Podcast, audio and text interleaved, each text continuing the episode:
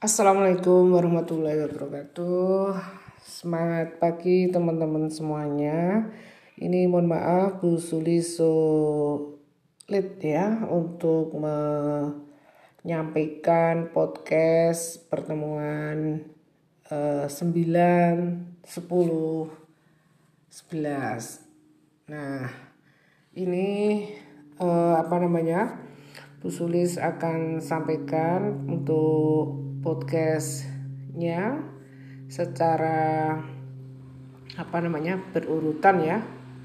Oke, yang pertama eh, ini tentu Bu Sulis harapkan kalian tetap sehat, tetap semangat di masa-masa pandemi yang belum selesai. Oke, untuk pertemuan 9 ini temanya terkait dengan dualisme ekonomi.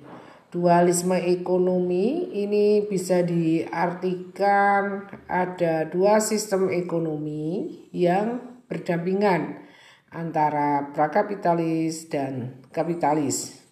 Nah, dalam konteks ini untuk ekonomi prakapitalis ini eh, apa namanya secara gampang ya, secara eh, substansi bisa dimaknai eh, sistem ekonomi yang bercorak pada kebutuhan yang terbatas atau minimalis.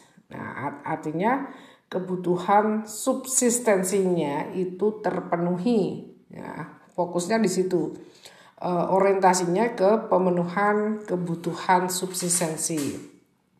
Nah, kemudian kalau kapitalis tentu ini berbeda karena e, orientasinya pada profit, pada keuntungan. Ya.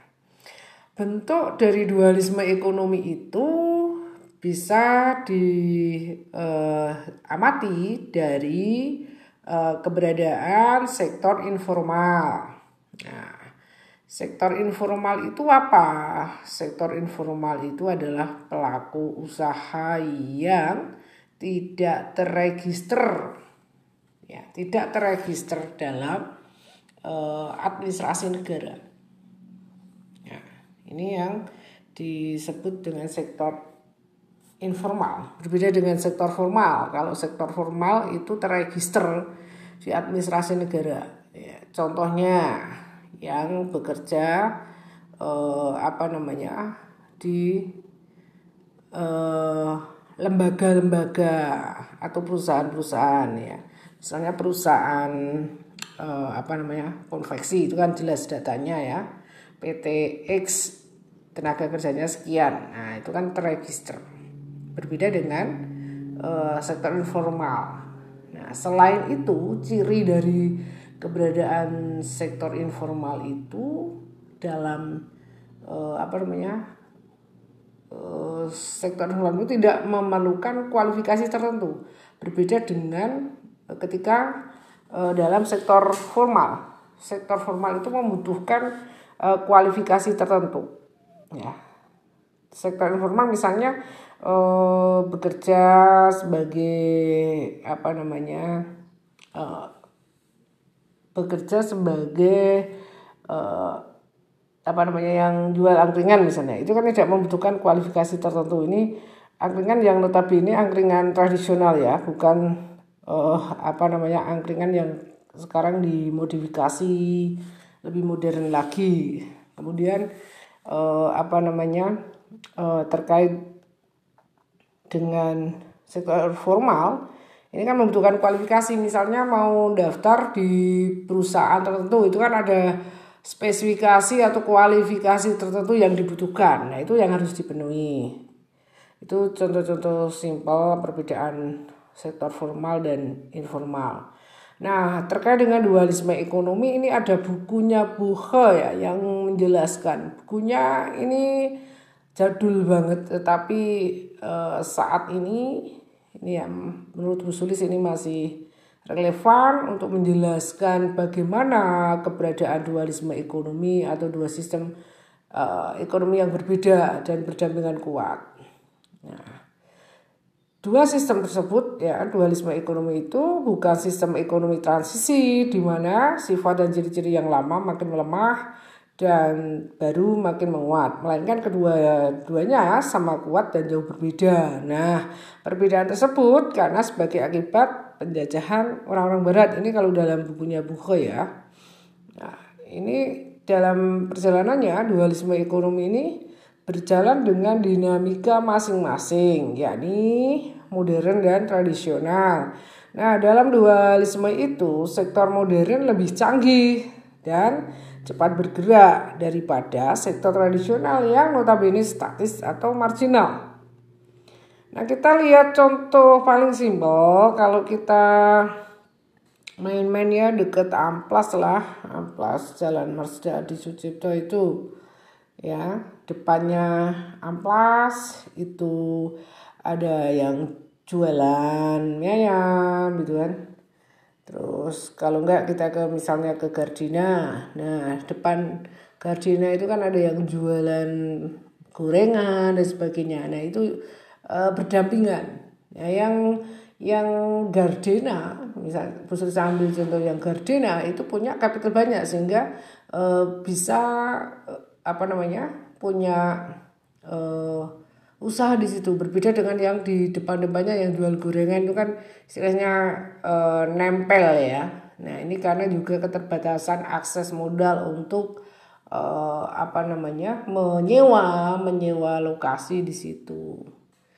Kalau di Malioboro sekarang saat ini di baru dalam apa namanya ya penertiban ya. Itu juga sama ya. Ada yang ini misalnya di Rame Mall, depannya ada yang jualan uh, apa namanya kain-kain dan sebagainya. Nah itu salah satu representasi uh, keterbatasan atau perbedaan aksesibilitas modal sehingga bisa nyewa lahan di situ dan yang apa namanya bisa di ruangan ber AC ya kalau di Rame Mall dan sebagainya. Tetapi yang jualan di depan itu kan uh, apa namanya akses modalnya terbatas. Oke. Nah ini menurut Buha, ini nanti bisa dikritisi lebih lanjut ya uh, terkait ciri-ciri masyarakat asli Indonesia, mobilitas faktor-faktor produksi itu adalah rendah, pemisahan yang tajam antara kota dan pedesaan, pertentangan antara rumah tangga atau perekonomian uang dengan perekonomian barang. Yang satu bersifat mekanis dan satu bersifat organik. Nah, dari empat ciri ini bisa jadi untuk konteks hari ini sudah mengalami perubahan yang signifikan.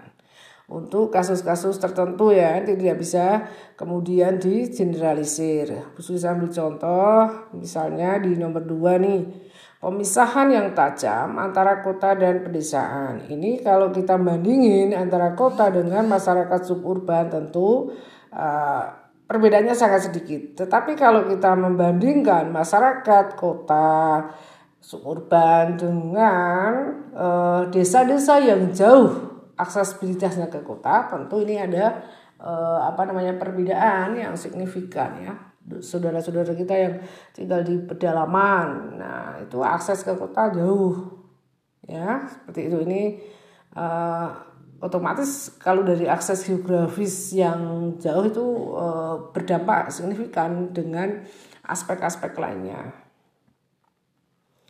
Nah, oke. Okay. Terkait dengan basis dualisme ekonomi ini tadi disebutkan ada tradisional dan kapitalis. Ini eh, apa namanya? Clifford Geertz ya. Ini ada bukunya. Ya ini ini masih sangat uh, banyak disinggung ya oleh uh, apa namanya ilmuwan-ilmuwan uh, di Indonesia bagaimana uh, menjelaskan penjajah dan raja ini ada ekonomi firma kemudian agak ada ekonomi besar nah ekonomi firma itu dikelola secara rasional orientasi profit berbeda dengan ekonomi besar yaitu ekonomi tradisional dikelola secara subsisten dan tidak ada rasionalitas oke Nah ini ya tadi sudah sudah dijelaskan bagaimana perbedaan sektor formal dan informal.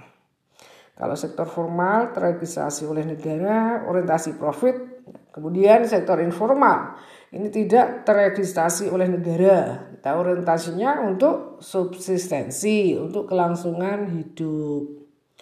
Oke, kita lihat ya. Tolong nanti teman-teman juga membaca bukunya Hans Dieter Ever. Sektor informal ini dijelaskan oleh Hans Dieter Ever itu sebagai sebuah lapisan sosial yang tidak terjamin kehidupannya, berupaya mempertahankan kehidupannya dan menjamin reproduksi dengan memanfaatkan celah-celah ekonomi yang ada. Nah, sektor informal itu mempunyai ciri mobilitas dalam mencari pekerjaan, struktur yang lentur, kemudian menggunakan kombinasi sebagai produksi dan sebaran pendapatan. Nah, ini sektor informal itu ya kalau bisa disimpulkan ya sebuah lapisan sosial yang tidak terjamin kehidupannya. Nah, ini karena oh, apa namanya? ya berusaha sendiri misalnya jual angkringan ya jual angkringan apalagi di masa pandemi ini juga sangat terbatas ya dan sektor-sektor informal lainnya ketika pandemi tentu berdampak secara signifikan. Nah, ini juga mempengaruhi bagaimana terjaminnya kehidupan mereka. Ini yang tentu sulit ya. Apalagi ada pembatasan-pembatasan selama pandemi. Nah, ini yang mencerminkan bagaimana uh, apa namanya kehidupan uh, sosial dalam sektor informal itu tidak terjamin kehidupannya. Nah, istilahnya uh, uang bulanan itu naik turun, ya. Berbeda dengan yang sektor formal, gajian tiap bulan, nah, nilainya kan uh, relatif lebih stabil ya, berbeda dengan yang sektor informal, naik turun naik turun kurvanya seperti itu. Nah, Oke, hmm, terkait dengan hambatan dalam sektor informal, ya ini strategi pembangunan yang menimbulkan distorsi dalam pasar, tingkat barang, jasa, dan uang yang terjadi lebih mementingkan aktivitas formal. Nah, ini keberatan penduduk daerah pedesaan yang relatif tinggi, kemudian menyempitnya lahan pertanian dan berkurangnya pekerjaan di sektor pertanian. Oke. Nah, untuk sektor informal ini e, bisa dikatakan sebagai kartu pengaman, ya. Teman-teman nanti bisa lihat di data BPS ya, tolong dicek kembali bagaimana kontribusi sektor informal bagi struktur ketenaga kerjaan di Indonesia dan juga bagi subsidi pendapatan atau penghasilan kelompok sosial ekonomi lemah. Nah ini uh, data 2017 nanti teman-teman bisa update yang terkini ya di 2021 bagaimana kontribusi sektor informal dalam struktur ketenaga kerjaan. Berapa persen yang masuk dalam uh, sektor informal? Kalau dilihat dari data ini uh, di tahun 2017 itu uh, posisinya ini sektor informal lebih banyak daripada sektor uh, apa namanya formal ya. Persentasenya ini kita lihat di sini ada yang sektor informal ada 58,35 persen kemudian di sektor uh, formal ada 51,8 eh sorry uh, 41,65 persen. Nah ini menunjukkan bagaimana posisi sektor informal itu eh, menjadi kartu penyelamat bangsa ini ketika tidak terserap dalam uh, sektor formal maka Lapisan kelompok ini kemudian fight survive dengan cara-cara mereka, ya.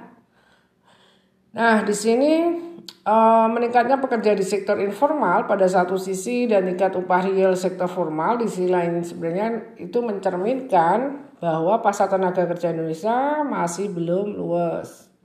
Nah, ini kita lihat di sini ya revisi Undang-Undang Nomor 13 Tahun 2003. Ini harus mengacu pada upaya mengamankan hak buruh. Nah ini yang uh, beberapa beberapa tahun yang lalu ya terkait dengan undang uh, cipta kerja. Nah sekarang juga masih apa namanya masih dalam perbincangan bagaimana undang-undang cipta kerja itu di satu sisi memberikan pro kontra terutama bagi tenaga buruh ya. Oke kalau kita flashback terkait dengan undang-undang nomor eh, 13 tahun 2003 ini upaya mengamankan hak buruh, memberikan akses pada mereka yang bekerja di sektor informal atau outsider ini untuk masuk ke sektor formal, meningkatkan peran serikat pekerja dalam posisi tawar atau kolektif bergening pada tingkat perusahaan.